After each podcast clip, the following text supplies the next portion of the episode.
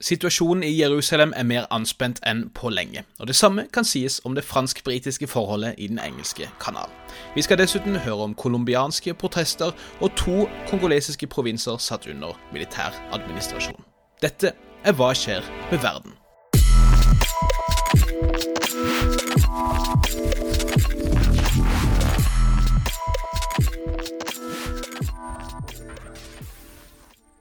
Hei og hjertelig velkommen til en ny episode av podkasten Hva skjer med verden? Denne podden for deg som er interessert i det som rører på seg innen internasjonal politikk, krig og fred og det rotet midt imellom. Mitt navn er som vanlig Bjørnar Østby, og med meg som vanlig har jeg også min gode kollega og makker Nick Brandal. Eh, god, tåkete og regnfylt eh, mandagsmorgen til deg, Nick. Ja, takk, Bjørnar. Eh, oppi all verdens eh, elendighet så bør vi vel kanskje nevne helt innledningsvis at norsk fotball er i gang igjen. ja, for å gjøre vondt verre. Ja, og jeg så jo i avisen i dag at uh, Vålerenga-spillere mente at Rosenborg spilte kjedelig fotball. Rosenborg-spillere mente at Vålerenga spilte kjedelig fotball. Og som en middels interessert, så mener jeg at begge to har helt rett. Diplomatisk as ever. Og apropos diplomati, så må vi jo uh, bare nevne en, en liten sånn eh, Ta en liten Steven Segal-update, kan du godt eh, kalle det. Eh, det er jo egentlig Burde jo vært en fast spalte. Det er ikke sikkert alle har et sånn veldig tett og godt forhold til Steven Segal, men han er jo altså da en, en ja, vi får si høyst avdanka skuespiller, men som var kjent for for sine kampsportpregede roller, da, som ymse ninjaer og samuraier og alt som er eh, har jo etter hvert blitt eh, skal vi si, mer og mer eh, pæreformet, men hans eh, veldig tighte, sorte hestehale sitter som et skudd fortsatt. Det gjør også smultringen, og det gjør også solbrillene. Og i senere tid så har jo eh, Steven Segal nærmest meldt overgang til Russland. Og eh, fått tilsynelatende godt og tett forhold til Vladimir der. Og I den forbindelse så, så, har han jo fått ymse oppdrag her og der også. Og nå kunne vi denne forrige uka høre at Steven Segal hadde tatt seg en liten pause fra viktige humanitære oppdrag i, i Russland og andre steder av verden for å besøke Venezuela som Russlands spesialutsending dit.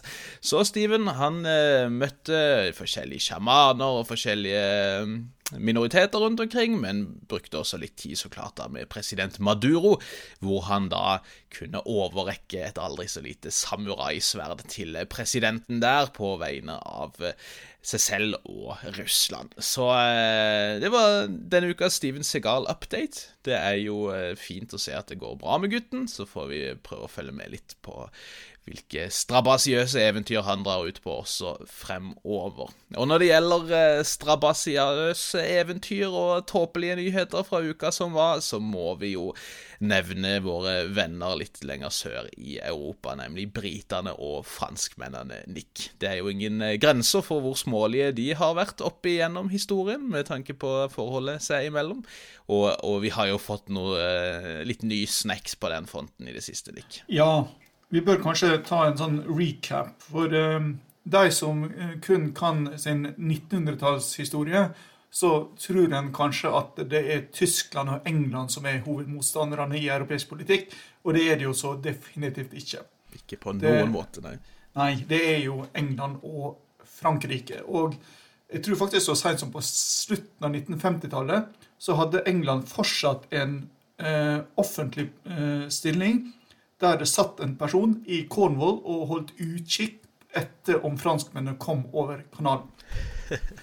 Og, og det siste invasjonen av eh, Storbritannia var også franskmenn som sto for under napoleonskrigene. Da de eh, kom inn i Wales med en liten styrke som ble slått tilbake ganske raskt. Men eh, la nå det ligge. Det, det, som skjedde eh, i forrige uke, det var jo da at eh, eh, Storbritannia sendte marina mot Royal Navy, mot franske fiskere ved øya Jersey, som førte til at Frankrike trua med å kutte strømforsyninga til øya. Så må vi her også ta en liten eh, tur tilbake igjen i historien for å forstå hva dette handler om. Eh, Kanaløyene, som har blitt den moderne benevnelsen, eh, er den siste resten av hertugdømmet Normandie, som fram til 1204 lå under kongen av England. Eh, kongen av England, Normannerne erobra jo England i sin tid, og eh, beholdt da selvfølgelig eiendommene sine i Frankrike. Eh, så de hadde jo da dette hertugdømmet. Så eh, i 1204 så var dette erobra av Philip 2. av Frankrike. Og alle engelske forsøk på å gjenerobre det under hundreårskrigen mislykkes. Og i 1259 så ga Paris-traktaten fastlandet til Frankrike og øyene, først og fremst da Jersey og Guernsey, til England. Så ble hertugdømmet i Frankrike oppløst etter den franske revolusjonen. Da kvitta man seg jo med kongedømme og adel og alt sånt der. Men Elisabeth 2. har fortsatt tittel hertug av Normandie. Og eh, hun blir jo da ofte på disse øyene omtalt som hertuginna. Yes. Eh, og ikke som eh, dronninga nødvendigvis. Mm. Eh, og så blir dette enda mer komplisert, fordi Jersey og Guernsey er ikke en del av Storbritannia. De er organisert som to bailiwicks, eller fogdesogn, der Storbritannia har ansvar for forsvars- og utenrikspolitikken, men ikke noe mer. Altså Innbyggerne har britiske pass, men påført at de kommer fra ei av øyene, og ikke fra Storbritannia. Og her er egen lovgivende forsamling med da en bailiff som den utøvende makta. Formelt er altså øyene verken en del av Storbritannia, det britiske samveldet, og de ble aldri medlem av EU. Og dermed så er de heller ikke sånn uten videre en del av brexit-avtalen. Og, og, og her er da problemet oppsto som fikk eh, Royal Navy til å måtte kalles ut. Eh, franske fiskere har tradisjonelt hatt tilgang til å fiske i havområder rundt øyene. Altså det er 25 km fra eh, Frankrike til Jersey. Og dette ble regulert gjennom en avtale fra 1839. Eh, så er det jo spørsmål men, men hva skjer da etter brexit? Vel, på Guernsey så fortsatte de bare å, opprettholde den avtalen slik den alltid hadde vært. Men på Jersey så fant eh, bailiffen ut at han skulle ha en aldri så liten privat hard brexit. Og dette ble jo støtta av alle skatteflyktningene som bor på øya, som vil gjøre hele Storbritannia til et skatteparadis. Det er jo her mange av de som finansierte brexit-kampanjen, eh, stort sett holder til. Eller i hvert fall der de betaler skatt, fordi det er jo i praksis ikke skatt på disse øyene. Så det ble da innført store begrensninger på adgangen som franske fiskere hadde, og hvor mange som fikk lov til å fiske der, på veldig kort varsel. Og Dette utløste protester både fra franske fiskere, men også fra lokale fiskere. Grunnen til dette er jo at de har markedet sitt i Frankrike, og ikke i England. Dette er jo et generelt problem med de britiske fiskeriene etter brexit. De fant ut at eh, ja, å få tilgang til fisken ved, og ressurser er veldig fint, men eh, vi vil jo helst ha tilgang til markedene våre også, og de er i Europa og ikke i Storbritannia. Men det er nå en liten sidegreie her.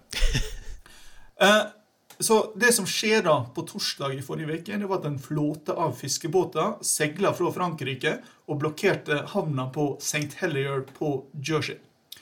Eh, De ble jo da født, først møtt av de før nevnte millionærene som kasta flasker fra yachtene sine, eh, før Boris Johnson fant det opportunt å sende inn Marina. Dette har selvfølgelig ingenting å gjøre med at det var lokalvalg i Storbritannia i helga. Eh, Så svarte jo Frankrike med at dette er jo et brudd på brexit-avtalen. Og det er jo her da de truer med å kutte strømforsyninga, som utgjør 95% av energiforsyninga på Jersey. Eh, Men så er det jo tilbake igjen, hva handler dette egentlig om?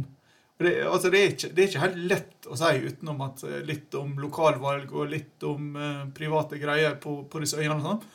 Men altså, hvis du, du kan ta et steg tilbake igjen og ser viktigheten av dette her, så, så snakker vi her om 70 franske fartøy som har fiska i dette farvannet. Eh, Og fiskeri utgjør en forsvinnende liten del av den lokale økonomien på Jersey. Og som nevnt, størsteparten av de lokale fiskerne leverer til franske oppkjøpere. Det er altså et lite problem, det er et veldig lokalt problem, som bør være enkelt å løse fordi man har fått det til på Guernsey. Men så blir det gjort en stor symbolsak og eskalerer det oppover fordi politiske opportunister ser en mulighet til å utnytte dette. her. Eh, og dette er nok en modell som vi vil se mye av etter hvert som brexit fortsetter og fortsetter og fortsetter og fortsetter i de neste tiåra. Så her er det bare å feste setebelter. Dette blir en lang og humpete tur. Og hvis britene skal gå til krig, så, så, liker de jo en god krig over noen eh, perifere øyer, som eh, Thatcher sto for på 80-tallet, noe som jo funka ganske fint for å samle litt nasjonal opinion i en uh, situasjon hvor uh, staten uh, eller myndighetene kanskje ikke var kjempepopulære. Um, eller for så vidt en liten fiskekrig også. Det var vel var det på 70-tallet denne torskekrigen med Island pågikk en liten periode. Stemmer. Og vi kan jo nevne her at Storbritannia også har en liten greie gående med Norge. Fordi inntil en ny fiskeriavtale kommet på plass, så har jo eh, britiske fiskere også mista tilgang til norske og islandske farvann. Mm. Eh, så det er jo fiskerne lite happy for. Eh, men foreløpig har vi ikke sett marina bli kalt ut mot, mot Norge.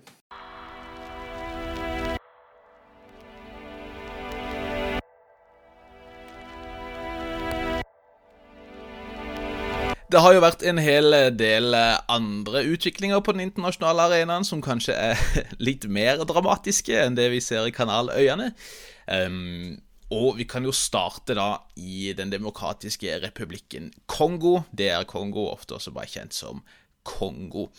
Eh, der har det vært eh, Altså, der er det egentlig nyheter hver eneste uke, for så vidt. Det er mm, en rekke konflikter som pågår øst i landet, og som har pågått i en årrekke. Men det er ikke sånn at vi kan eh, dokumentere absolutt alt som, som, skjer der hver eneste uke. Men det har skjedd noen viktige ting i det siste. Mer spesifikt så har presidenten i landet, Felix Chisekedi, erklært en slags militær unntakstilstand. Det kalles State of Siege på uh, det juridiske språket, kan vi si. Og, og, det er noe man har lov til å gjøre etter Grunnloven dersom eh, den militære situasjonen er såpass alvorlig at staten ikke evner å utføre en del av sine viktigste eh, oppgaver eller funksjoner, om du vil. og man har erklært en sånn state of siege i to provinser øst i landet, nemlig provinsene Nord-Kivo og Ituri. Her blir da i praksis siviladministrasjonen erstatta av eh, det militære, eh, for å være presis av to generalløytnanter, egentlig, som da skal eh, styre showet i disse to provinsene i, i utgangspunktet da én måned.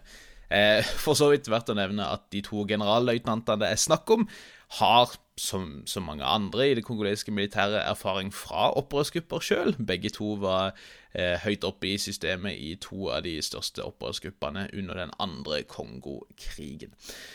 Eh, Felix Chisekedi, presidenten, sier at han nå ønsker å prøve å knuse disse opprørsgruppene øst i landet en gang for alle.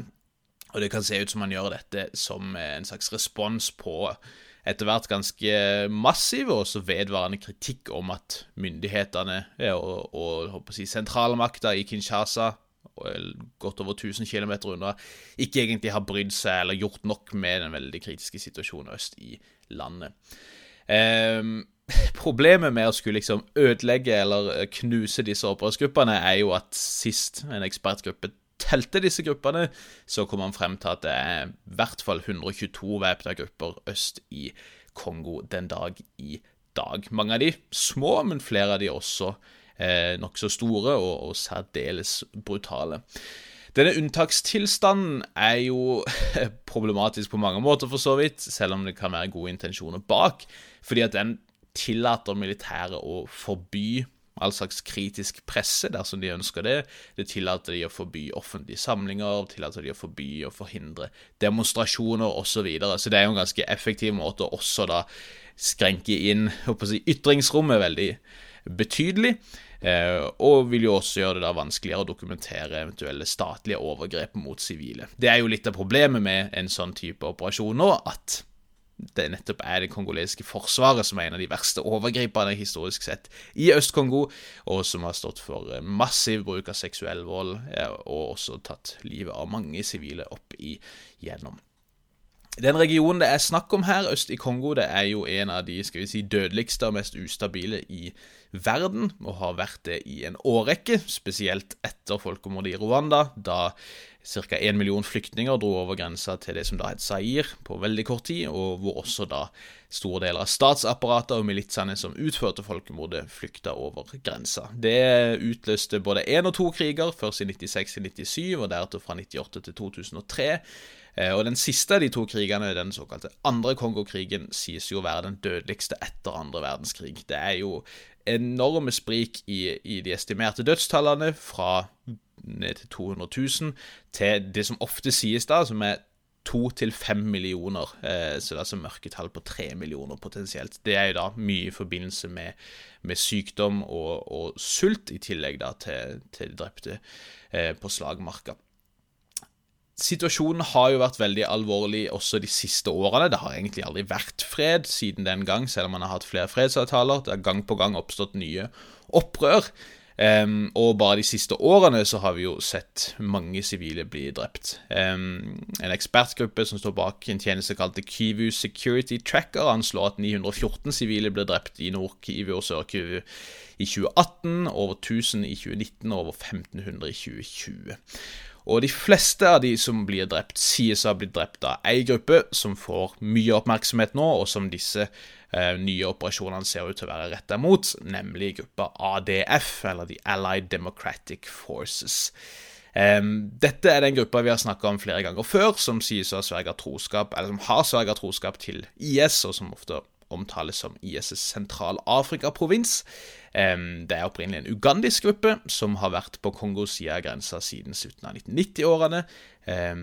Og som stort sett har eh, vært nokså usynlige. De har gjerne på en måte hatt sine bakre baser i jungelen, i, disse, i grenseområdene mellom disse to provinsene, Nord-Kivu og Itori, og har tilsynelatende hatt som en slags policy på en måte at vi vi skal ikke lage noe kvalm så lenge dere lar oss være i fred. Det vi har sett, er at hver gang militæret har prøvd å gå på offensiven mot disse her, så har disse opprørerne svart med voldsom eh, og brutal maktbruk mot den sivile befolkninga i området. Tilsynelatende både for å så mistillit og frustrasjon mot staten, men også for å på en måte straffe statlige eh, offensiver mot opprørerne. Siden 2014 spesielt, da disse siste rundene med operasjoner starta, så har vi jo sett eh, fryktelig mange massakrer mot sivile, og de pågår den dag i dag. Tapstallene varierer, men, men jeg har sett anslag fra 1200 til langt over 2000 da, som man anslår, altså sivile som skal ha blitt drept av disse opprørerne. Resultatet av volden til denne gruppa og til andre grupper er jo at i år, i april alene, så snakker man om at 2,2 millioner mennesker har blitt fordrevet kun i den ene av disse provinsene, eh, mens det i slutten av 2020 var snakk om over 5 millioner internt fordrevne i landet totalt sett. Eh, så det er en voldsomt dramatisk situasjon, og man kan for så vidt godt forstå at militæret ønsker å gjøre noe med dette her. Problemet er jo at man har forsøkt slike militære løsninger før, uten stort hell, og som sagt så har litt av responsen ofte vært fryktelig voldsbruk mot sivile fra disse opprørerne hver gang eh, militæret har forsøkt seg på nye offensiver. Det ser vi også bare i 2019, da den siste runden med militæroperasjonen ble starta, så tredobla det gjennomsnittlige antallet sivile drepte seg eh, per måned eh, etter disse operasjonene begynte. I dette området så er jo også et av FNs største, og i hvert fall inntil nylig verdens største fredsbevarende operasjon, kalt MONUSCO. De har vært i Kongo i en årrekke. De begynner å bli stadig mindre populære. Det har faktisk vært flere demonstrasjoner også i det siste, der skolebarn og studenter var ute og, og krevde at MONUSCO skulle forlate landet, fordi at de har vært så eh, hatt så lite suksess med å stoppe disse massakrene. Responsen da var at eh, politiet arresterte og piska mange av disse skolebarna som demonstrerte. Um, Monuscos respons på, i møte med flere av disse væpna gruppene har jo vært at de har eh, fått mandat til å opprette en såkalt Force Intervention Brigade. Det er en ganske sånn spesiell situasjon. Vanligvis har jo fredsbevarende operasjoner også bare defensive mandat. De kan forsvare seg sjøl, eller de kan forsvare sivile. Mens i dette tilfellet så har man da en egen intervensjonsstyrke som kan aktivt gå på offensiven etter de væpna gruppene. Eh, det har de forsøkt med ADF, eh, uten stort hell, og, og, ikke overraskende så har jo da ADF også stått bak en rekke angrep mot FN-styrkene. Eh, det mest notoriske håper jeg, beryktet var i 2017, da 14-15 tanzanianske FN-soldater ble drept i et angrep på en MONUSCO-base der. Det høres ut som denne intervensjonsstyrken eh, mobiliseres nå til å gå i kamper mot disse opprørerne. Det er snakk om at Kenya sender nye styrker dit. Det har vært mange fra Tanzania, Burundi og andre stater. Nå skal visst også Kenya blande seg inn, uten at de nødvendigvis har så veldig godt rykte på seg. Eh, men dette blir jo også komplisert av at som sagt så er disse to generalløytnantene som skal stå i spissen for dette, tidligere medlemmer av opprørsgrupper. Det er snakk om at de har stått bak mange menneskerettighetsbrudd, og det kan potensielt gjøre at MONUSCO faktisk ikke har lov til å samarbeide med dem. Og hvis ikke FN kan samarbeide med de statlige styrkene, så sier det seg sjøl at det blir mye eh, vansker der med å få gode operasjoner og liksom, ja, kommandolinjer som fungerer godt. Det er snakk om at en ugandisk delegasjon er i området, og at man eh, kanskje skal få en, en felles ugandisk-kongolesisk operasjon mot disse ugandiske opprørerne, uten at det har blitt noe veldig mye mer konkret ut av det ennå. Så eh, håper jeg, man kan forstå veldig godt at, at staten håper jeg, endelig forsøker å, å, få bukt med dette problemet, og spesielt med disse opprørerne i ADF. Militære løsninger har ikke fungert spesielt godt før. Det er mye som tyder på at disse opprørerne nå etter hvert har gode håper jeg, lokale tilknytninger, eller altså at de er på en måte embedda i den lokale konteksten etter hvert, og, og at uh, man ikke kommer så langt med å bare behandle de som et slags ugandisk fremmedlegeme heller.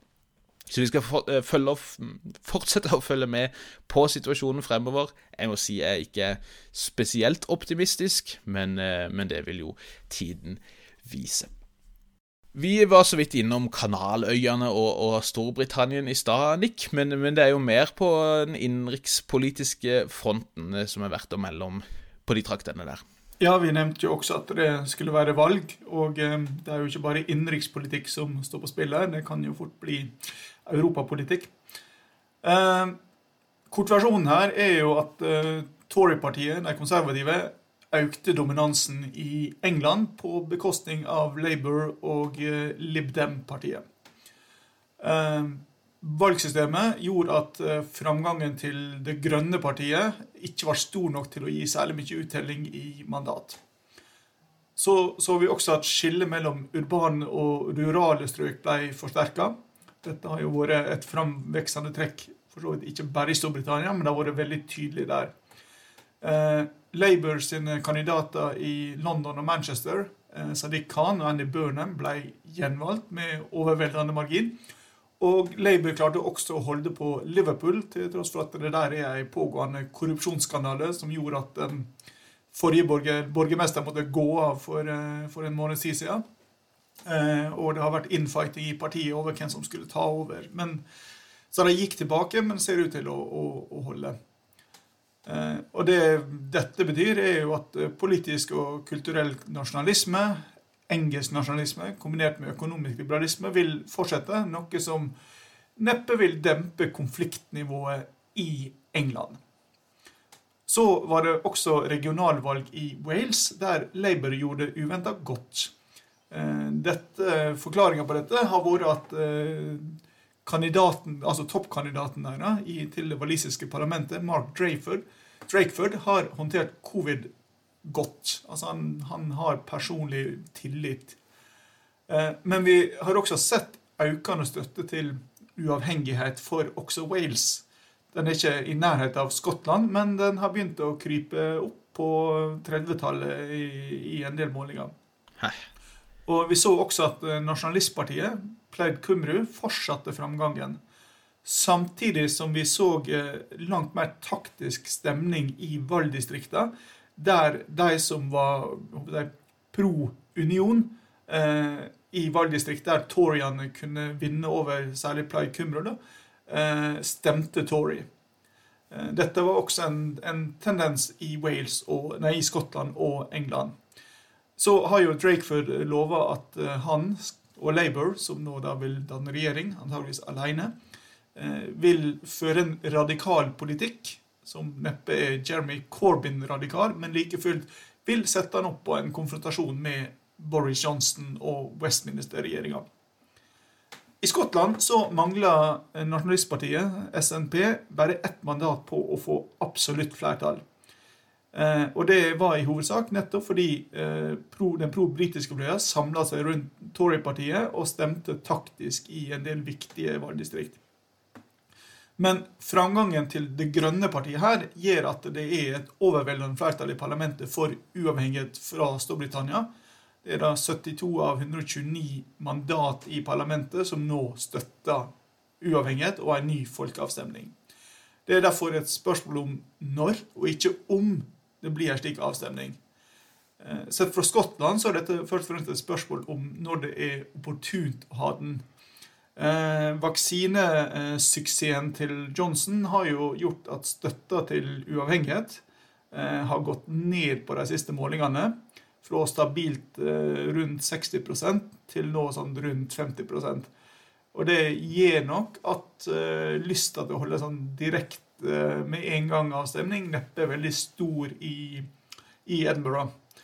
Men eh, dette vil uansett plassere Skottland i direkte konflikt med Boris Johnson. og det vil utløse en konstitusjonell krise dersom det skotske parlamentet vedtar å ha en avstemning, mens eh, da regjeringa i Westminster sier nei til det samme. Da ender opp i rettsvesenet, og det vil ende opp i den engelske eller britiske høyesterett og i den skotske høyesterett. Og ja, masse potensial for moro her framover.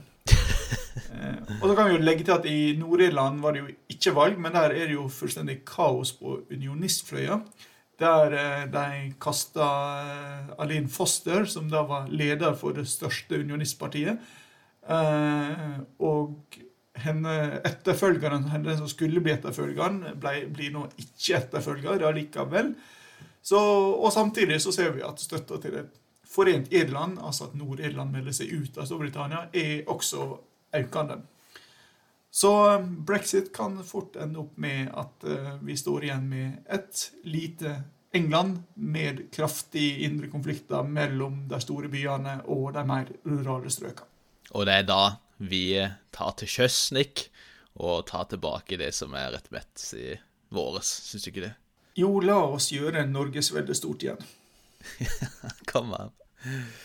Um, vi har uh, for en gangs skyld litt nyheter fra Sør-Amerika også. Uh, vi, det er jo ikke den regionen vi kanskje i hvert fall kan mest om, eller følger mest med på, men det skjer jo stadig vekk ting der. Og det er sikkert en del som har fått med seg at det har vært uh, urolig i Colombia de siste par ukene. Det har vært massive demonstrasjoner i flere av de store byene, som i Bogotá, Cali, Medellin eh, siden slutten av april. Eh, I denne omgang da så er det forårsaka, så vidt eh, i hvert fall internasjonal presse melder om, av en ny skattereform som president Ivan Dukes har foreslått.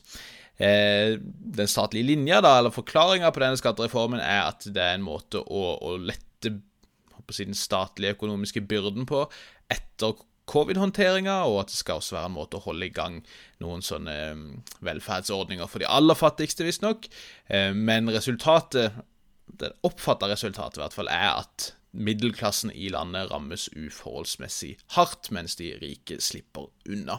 Eh, det har i hvert fall blitt store demonstrasjoner med dette som en slags begrunnelse, eh, og det tok ikke så lang tid før disse ble møtt med massiv politivold. Det skal sies at Eh, noen av demonstrasjonene har vært voldelige, men de aller fleste virker å ha foregått på fredelig vis. Likevel så har eh, politiet reagert eh, veldig voldelig, og, det er snakk om at minst 26 skal ha blitt drept av de, de aller, aller fleste sivile. Det er snakk om kanskje én drept politimann, så vidt jeg har sett. Og det kommer jo også ut filmer der politiet kjører rundt på motorsykler og mer eller mindre plaffer ned tilfeldig forbigående, så, så det er ja, ganske bøse greier som har foregått der. Det er meldt om nesten 1000 skadde også, som jo gjerne vitner litt om hvor omfattende voldsbruken har vært. Det tok ikke så lang tid før president Duque trakk dette forslaget, og finansministeren hans gikk også av etter dette. Men nå har liksom denne voldsomme maktbruken fra politiet gjort at demonstrasjonene egentlig har bare fått desto mer liv, og bare forsterka misnøyen med myndighetene. Så nå virker det som demonstrasjonene har gått fra liksom i første omgang handle om det som blir sett for et urettferdig forslag til skattereform, til å nå handle om mye større krav om liksom, eh, sosial rettferdighet, endringer og politireform eh, og liksom ansvarligholdelse av myndighetene. Myndighetene har antydet at de er villige til å gå i dialog med noen av protestlederne, spesielt for disse med sånn streik-type organisasjonene, streikorienterte fløyene, um, uten at det virker som det er noe kjempetro på at det vil lede noen vei. Så er jo ting, tingen også at det er ikke på en måte første gang i nyere tid vi har sett store demonstrasjoner. Det har vi sett i 2019, da mer generelt mot korrupsjon og, og liksom ansvarligholdelse av staten. Og vi så det i fjor mot politivold, hvor også da et stort antall sivile ble drept. Eh, så, så, dette er liksom siste innslaget av etter hvert ganske stor folkelig misnøye med myndighetene populariteten til presidenten virker som den eh, synker for hver dag som går. Så eh, det blir veldig spennende å se på en måte om, om det faktisk blir noen mer liksom, dyptgående endringer som kommer ut av dette her. Man greide å stoppe reformen. Hvorvidt man lykkes med å holde stat og politi mer til ansvar, det, det spørs. Men, eh, men, vi skal prøve å, å følge med på, på, det fremover også. Det er det som er vanskelig, at så fort liksom, volden bremses litt, så slutter media å dekke det, basically. Eh, så det er ikke alltid så lett å, å få med seg hva som faktisk skjer, men vi skal prøve å holde et lite øye på det. Vi har vært innom mye diplomati, Nikke, og, og, nå er det nok en ambassadør som må pakke kofferten og komme seg hjem? Ja, Marokko har tilbakekalt sin ambassadør fra Berlin. Det virker å være to grunner til eh, dette. Eh, den ene er at Marokko er misfornøyde med at Tyskland ikke vil anerkjenne territorielle krav i Vest-Sahara. Eh, vi dekka jo at Trump-administrasjonen tilsynelatende gjorde dette i, eh, eller i fjor høst. Eh, men Tyskland har altså ikke fulgt opp. Og Marokko er også misfornøyd med at landet ikke ble invitert til ei Libya-konferanse i Berlin i januar 2020. Eh, Marokko er langsiktsinte, må vi vel slå fast. Ja, ja, ja. Eh, og eh, i en uttalelse i forbindelse med at eh, ambassadøren ble tilbakekalt, så, så sa Marokko at Tyskland driver en kamp for å redusere Marokkos regionale posisjon. Så er jo dette eskalering av en situasjon som for så vidt har vært eh, spent ei stund. Eh, altså I mars i år så stoppa Marokko all kontakt med den tyske ambassaden og med alle organisasjoner som hadde noe med ambassaden å gjøre. Og eh, Tyskland valgte da ikke å akkurat ta the high road, men eh, bare kommentere at å bryte diplomatisk kontakt er et populært virkemiddel i Marokkos utenrikspolitikk. Så eh, vi kan vi ikke forvente at denne situasjonen vil forbedre seg med det aller, aller første. Hvis ikke jeg blir invitert i din bursdag, så får ikke du komme i min. Det er jo cirka det nivået vi, vi ligger på her. Eh, og apropos nivåer, så må vi jo innom våre venner eh, franskmennene igjen. Og både First Price Napoleon og den ekte Napoleon helt sånn avslutningsvis i denne roundupen, Nick. Ja, Macron eh, har jo eh, stridigheter på alle fronter. Vi har jo vært innom eh, opptrapping med England. Eh, vi kunne jo vært innom kampen mot eh, kjønnsnøytrale pronomen. Eh, ikke fordi det er identitetspolitikk, eller noe men fordi det er så grammatisk vanskelig på fransk. Man må nemlig sette et punktum midt inn i orda for å få det til. Og det gjør jo Alle vet jo at fransk er et konstruert tullespråk. Men at Macron skulle bli kritisert for å markere Napoleon av Le Pen kom som en overraskelse på de aller, aller fleste. Um, Macron ble jo den første franske presidenten siden 1969 som uh, gjennomførte ei napoleonsmarkering. Og Det var jo på 200-årsdagen for Napoleons død, der han holdt en tale og la ned krans på grava i invalidedommen. Eh, Macron sitt tale så framstilte han dette ikke som nødvendigvis en markering av Napoleon, men en markering av opplysningstida. Eh, som da var en tid som var full av motsetninger, på godt og vondt, men som var viktige for å forstå dagens Frankrike. Han kritiserte Napoleon sin brutalitet. Han var jo 1800-tallets Hitler for de som levde da. Eh, men samtidig så løfter han fram at Napoleon skapte institusjoner som på mange måter er sentrale i det moderne Frankrike. Sentralbank, lovsystemet, Code Napoleon, som det ble kalt, og, og skoleverket. Eh, og venstresida i Frankrike har jo protestert i flere uker på eh, alle disse planene her. Og Det var derfor litt overraskende at den hardeste kritikken kom fra Marine Le Pen og nasjonalistene, som da mente at enhver kritikk av Napoleon, som er sitat, 'udødelig fransk legende', var et sitat, 'etisk Waterloo'. Intet mindre. Kanskje, kanskje burde Le Pen samtidig ha reflektert litt over at Napoleon sin franske nasjonalisme som var knytta opp mot ikke etnisitet, ikke det franske folket, men den franske staten. Hvem som helst kunne bli franskmenn. Var litt annerledes enn hennes egen 2021-versjon.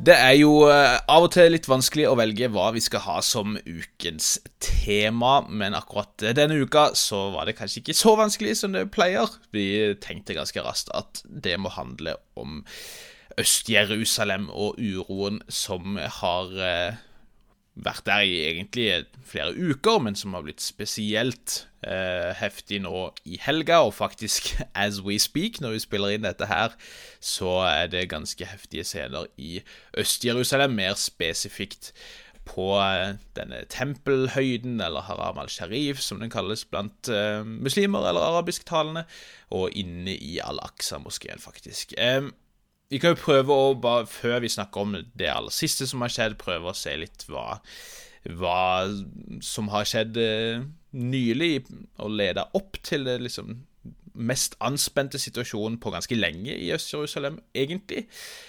Og eh, da må jeg jo for det første bare nevne kort at Øst-Jerusalem er under israelsk kontroll og har vært det siden 1967, eh, da Israel vant denne såkalte seksdagerskrigen. Tok Golanhøyden, Sinai-halvøya, Gaza, Vestbredden og eh, Øst-Jerusalem. Og i motsetning til disse andre delene, så har de da også annektert Øst-Jerusalem. Så der Vestbredden formelt sett etter internasjonal, internasjonal lov er okkupert, så er Øst-Jerusalem annektert og da sånn sett innlemma i den israelske staten. Så det er bare veldig kort om konteksten. Det har vært uro i Jerusalem og i Øst-Jerusalem siden eh, midten av april, og jeg ser flere påpeker at det er på en måte da ramadan starta, sånn at det, det, ses litt i lys av det, kanskje. Og det har vært flere runder eh, med trefninger og gateslagsmål, basically, mellom uh, ultraortodokse jøder og palestinske uh, motdemonstranter, eller demonstranter, alt ettersom. Eh, men i flere tilfeller også så har jo dette utarta og blitt eh, bruduljer, kan vi godt kalle det, med, både politi, palestinere og ultraortodokse, som ofte da har beskyttelse fra eh, politiet. Det er jo, eh, som alltid med Israel-Palestina-konflikten, så blir det jo masse diskusjon om hvem var det som starta, og hvem har lidd mest, og hvem har skylda, og da, da, da. Og, også her så er det jo litt sånn eh, rett og slett litt uklart for meg akkurat hva som har utløst hva. Eh, fra den israelske sida av saken, og, og blant ultraortodokse spesielt, så har man snakka om at, eh, at eh, palestinere har lagt ut filmer på TikTok, annet, hvor de har banka opp unge ultraortodokse gutter, og, og så hevder da disse ultraortodokse at de da igjen har på en måte mobilisert mot det, demonstrert mot det, osv. Fra palestinsk hold så har det vært snakk om at Politiet har prøvd å forhindre dem fra å eh, møtes ved Damaskusporten, en av disse portene inn til gamlebyen Jerusalem. hvor de da hadde ønska å bryte fasten sammen under ramadan. Det fikk de visstnok ikke lov til, og, og, har da på en måte prøvd å demonstrere mot dette her. da. Eh, så har jo det ene ført til det andre. Det eskalerte veldig sånn mot slutten av april etter medlemmer av en jødisk eh, gruppe. altså Det er jo bare å kalle de ekstremister, for det er det de er. En gruppe kalt Lehava. Der de marsjerte mot denne Damaskusporten for å demonstrere det de kalte nasjonal ære, og hvor de i den forbindelse da gikk rundt i disse områdene der det bor mange palestinere, og ropte 'død over araberne'. Eh, det gjør jo ikke akkurat så mye for å dempe spenningene som ligger der, for å si det sånn. Og for å gjøre dette desto mer anspent, så har det samtidig her også vært mye fokus og mange demonstrasjoner knytta til en sak rundt nabolaget Sheikh Jarrah. Her har det jo eh, lenge vært en utkastelsessak gående, hvor jødiske bosettere forsøker å få kasta ut flere palestinske familier fra dette da palestinske nabolaget Sheikh Jarrah. Eh, den utkastelsesordren som har vært utstedt tidligere, den skulle nå opp i Høyesterett i dag, mandag. Eh, der man vel antok at palestinerne ville bli kasta ut. Men eh, grunnet det som har skjedd i helga, som vi skal komme tilbake til, så har dette blitt utsatt enn så lenge, antageligvis med en måneds tid potensielt, men, men akkurat det er utklart. Um, den, akkurat den casen her virker jo å være litt sånn komplisert juridisk, som ganske mye av dette her er, i og med at det landområdet som dette nabolaget ligger på, visstnok da ble solgt av noen palestinere til noen jødiske organisasjoner i 1876, da dette området fortsatt var under det osmanske riket. Um, etter krigen i 1948 så tok Jordan over dette um, området her, og bygde nye boliger der til palestinske flyktninger som hadde blitt fordrevet i forbindelse med den krigen. Um, så det har bodd palestinere der siden 1948, mens da området visstnok skal ha blitt solgt til jøder før den tid. Uh, disse jødiske trustsene som hadde kjøpt dette landområdet, har siden solgt det til jødiske bosettere, som da gjør krav på dette området og prøver å få palestinere som har bodd der i flere generasjoner nå, kasta ut. Um, mens dette jo, ses jo, som å være mye mer enn bare én sånn enkeltsak. Dette ses jo fra et palestinsk og for så vidt internasjonalt hold som bare det siste innslaget i det som i ytterste konsekvens beskrives som etnisk rensning av Øst-Jerusalem, hvor man da prøver å skvise ut den palestinske befolkninga fra områder hvor man ønsker å bygge jødiske bosetninger. Um, det er jo også sånn uh, dette blir sett på, i tillegg til at det også inngår i, i mer den her overordna problematikken vi snakka om sist uke, om, om, hvordan det er ganske forskjellige regler og kjøreregler for jøder og palestinere i disse områdene, hvor uh, jøder da har, uh, eller kan gjøre krav på eiendom som skal ha vært under jødisk eierskap før 1948, som vil gjelde dette nabolaget her. Eh, men der palestinere ikke kan gjøre det samme, selv om det åpenbart er veldig mange områder hvor palestinere bodde før 1948 som de nå ikke får lov til å dra tilbake til. Så jussen her er nok forholdsvis enkel. Og det Altså De som eide dette området, kjøpte det, har, har den eiendomsretten. Men eh, det er jo da ikke den israelske staten som kan, kan, håndheve dette, her, fordi de er en okkupant. Så den israelske staten har ikke lov til å presse ut ei befolkning på et okkupert område. Og dette er okkupert område, samme hvor mye Israel hevder at de annekterer det. Så de, de, det de gjør, er jo å prøve å hale eh, fordelene av å som finnes i, i, i, i jussen, eh, og så vil ikke de ta noen av bakdelene som ligger der. Mm. Um, og det, altså, vi har, vi har, jo hatt lignende saker på Kypros, altså på Nord-Kypros særlig, der uh, særlig briter kjøpte opp ferieeiendommer. Uh, og så tok de som hadde blitt fordrevet til Sør-Kypros uh, i forbindelse med Hellas-Tyrkia-krigen, før delinga, den saka til EU-parlamentet, og, og britene tapte og har da måttet rive feriehusene de bygde opp, og uh, gjenopprette olivenlunder og sitrontre og sånn, der, sånn, sånn, som det var. Mm. Så igjen, at, at disse trøstene eier dette her og har rett til å selge det, ja, det er ganske klart. Mm. Men igjen, den, ikke, den, israelske staten har ikke lov til å gjøre det den israelske staten gjør her, for å håndheve det. Nei, og, og som sagt så behandles jo ikke dette som et enkelttilfelle. Det, det ses jo som en del av en større trend, hvor mange palestinske familier har blitt kasta ut, hvor hundrevis av palestinske boliger har blitt eh, bulldosa osv. De sakene er også ganske klare. at de som eide disse her, om det var før 1948 eller før 1967, har, rett, har retten fortsatt, selv om disse områdene er innenfor det som i dag er Israels grenser eller ikke.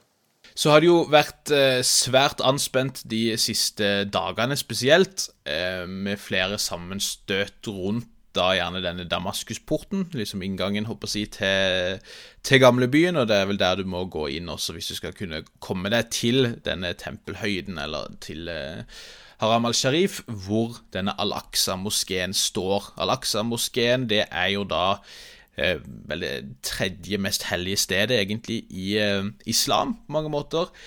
Og eh, der har det jo vært mange palestinere i det siste som har feiret ramadan, som har vært samla til kveldsbønnen. Og hvis politiet har prøvd å nærme seg, og sånn, så har jo de gjerne blitt møtt med, med motstand. Men så har jo politiet gått fryktelig hardhendt til verks nå de siste dagene. Både på fredag øh, var det store sammenstøt, der også noen tåregassgranater havna inni denne moskeen. Eh, men eh, desto mer i dag tidlig, ser det ut som. Eh, det er flere, mange palestinere som har sovet over håper jeg, i moskeen for å prøve å forsvare den. Eh, og Det har kommet bilder ut at de har liksom hatt steiner og de har barrikadert seg. og Det ser ut som de har vært klar til å måte, yte motstand. Men eh, i dag morges, mandag, så, så storma israelske styrker nok en gang der denne moskeen. Det, det, ser ut som liksom, krigsscener. Det hagler med sånne sjokkgranater og tåregass. Og det er snakk om at flere hundre palestinere skal være skadd. Også noen eh, politioffiserer skal være skadd.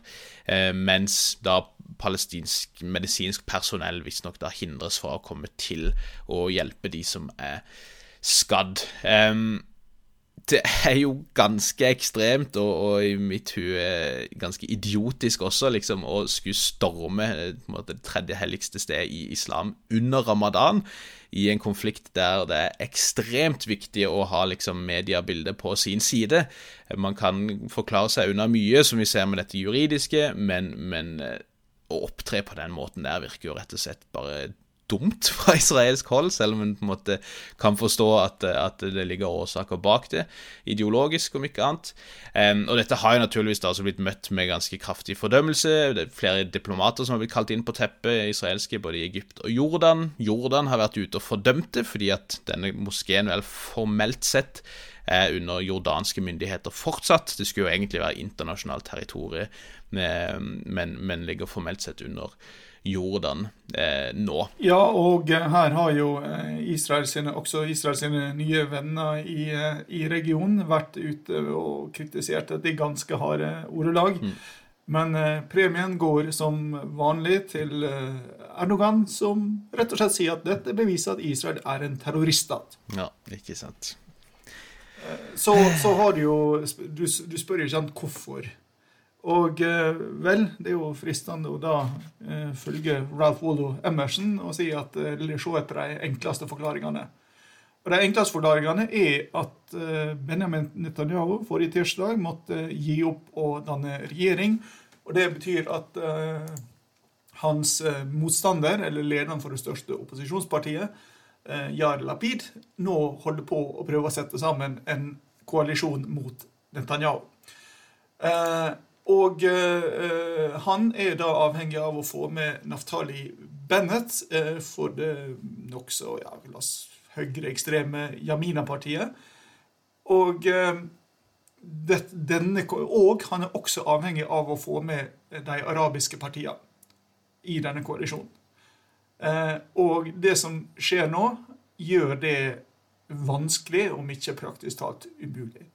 Så hvis du er Netanyahu, og eh, hvis Netanyahu er en kyniker Og la oss gå ut ifra at han er det Det er vel ganske og, safe, da, antar jeg. Og, og, er villig til å ta de fleste, fleste middel i bruk for å holde på makta. Det er vel også en rimelig antakelse. Mm. Ja, da, da, blir det plutselig fornuft i det å, å risikere en liten oppblomstring med, med noen hundre døde osv. Ja, for det er jo gjerne det som snakkes om. liksom, Blir dette en tredje intifada, såkalt et tredje slags opprør? Vi hadde jo den første såkalte intifadaen eh, liksom i årene rundt overgangen fra 80- til 90-årene, og deretter en andre og desto mer voldelig eh, intifada såkalt fra 2000 og noen år etterpå, som, eh, som kosta flere tusen mennesker livet. De fleste palestinere, men vi snakker om at eh, er det vel 600-700 israelere som man antar ble drept i forskjellige selvmordsbombinger og lignende. Ja, og den andre intifadaen ble jo utløst av at Ariel Sharon tok seg en liten spasertur på Klippemoskeen. Mm. Det var jo på et tidspunkt der man palestinere og israelere var nesten enige om alt. Altså Man hadde en delingsplan for Jerusalem. Man hadde en klar en slags grenselinje omtrent hvor den skulle gå. Man hadde snakka om erstatninger for de som hadde blitt fordrevet. og ja, Veldig mye var på plass. Eh, men eh, Ehud Barak måtte da bli gjenvalgt. Han utsatte og Nei, Barak, nei, nå roter jeg nå. Eh, I hvert fall Arbeiderpartiet sin, sin daværende leder. Nå står det stilt på hvem det var. Han utsatte underskrive denne Taba-avtalen eh, til etter valget fordi at han vil ikke gjøre det så tett oppi. Så tok Ariel Sharon sin spasertur, så brøt intifadaen ut, og så vant Sharon valget, og fredsavtalen har vært steindød siden. Ja, rett og slett. Eh, så altså Vi skal ikke spekulere for mye, men, men, men, hvis vi kan anta da at, eller ha som et premiss at Netanyahu lever greit med eh, nye runder med potensielt ganske massiv vold mellom disse samfunnene, så, så, kan man kanskje forstå det. Og det er litt sånn, Jeg, jeg ser ikke helt den her eskaleringsstigen, hvordan man har gått fra nokså liksom ordinære eh, bruduljer og litt steinkasting og litt tåregass til å liksom storme moskeen. Eh, det virker ganske ekstremt. Det virker Altså, jeg ser selv eh, ellers ganske sånn hardline pro-israelske typer på internettet sier liksom Hva er det dere holder på med? Dere blir jo slakta på internett nå pga. dette her, liksom. Hva er, hva er planen? Men, men, kanskje det er en plausibel forklaring, det du, det du, nevner, da. Ja, og så må vi jo legge til at uh, Netanyahu er jo ikke den eneste kynikeren i dette området her. Uh, og uh, både Hamas og PLO-ledelsen på Vestbredden har interesse av å ha denne konflikten gående. Det, de er pressa. Det går ikke akkurat bra i deres område heller. Eh, og det, dette fungerer som en lynavleder.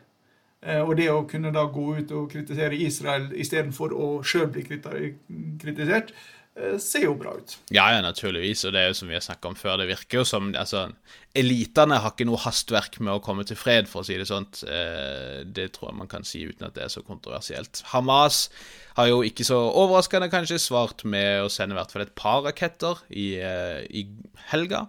Som vel også ble møtt med noe motanslag mot Gaza, så vidt jeg fikk med meg. Og så har man jo på en måte forventa at det kan bli mer eh, oppstand i dag. Og det har det jo allerede gjort, for så vidt. Allerede før vi, vi spilte dette inn. Vi begynte i titida. Allerede før den tid var det masse uro og en ny storming av moskeen. Men grunnen til at man forventer uro i dag, er jo fordi at i dag er markeringa av den såkalte Jerusalem-dagen, hvor israelere, og kanskje spesielt sånne mer ideologiske sionister, feirer seieren i seksdagerskrigen, hvor da eh, jøder atter en gang fikk kontroll over nettopp der Øst-Jerusalem. Ja, og, og, høydepunktet i denne markeringa er jo da en lang prosesjon gjennom gamlebyen med flere mm. tusen deltakere, den såkalte flaggmarsjen der. Mm. Og ja, det, Dette er jo ikke noe som vi har bare sett i Israel, dette var jo noe som ikke minst var vanlig i Nord-Irland. Så mm. ja, det, det, blir en interessant test på hva eh, israelske myndigheter faktisk eh, mener med dette, vil med dette her, om de lar den mm. marsjen gå eller ikke. Ja, og der, altså det er jo allerede kommet ut klipp fra, fra i natt også, der, der uh, unge ultraortodokse var ute og marsjerte.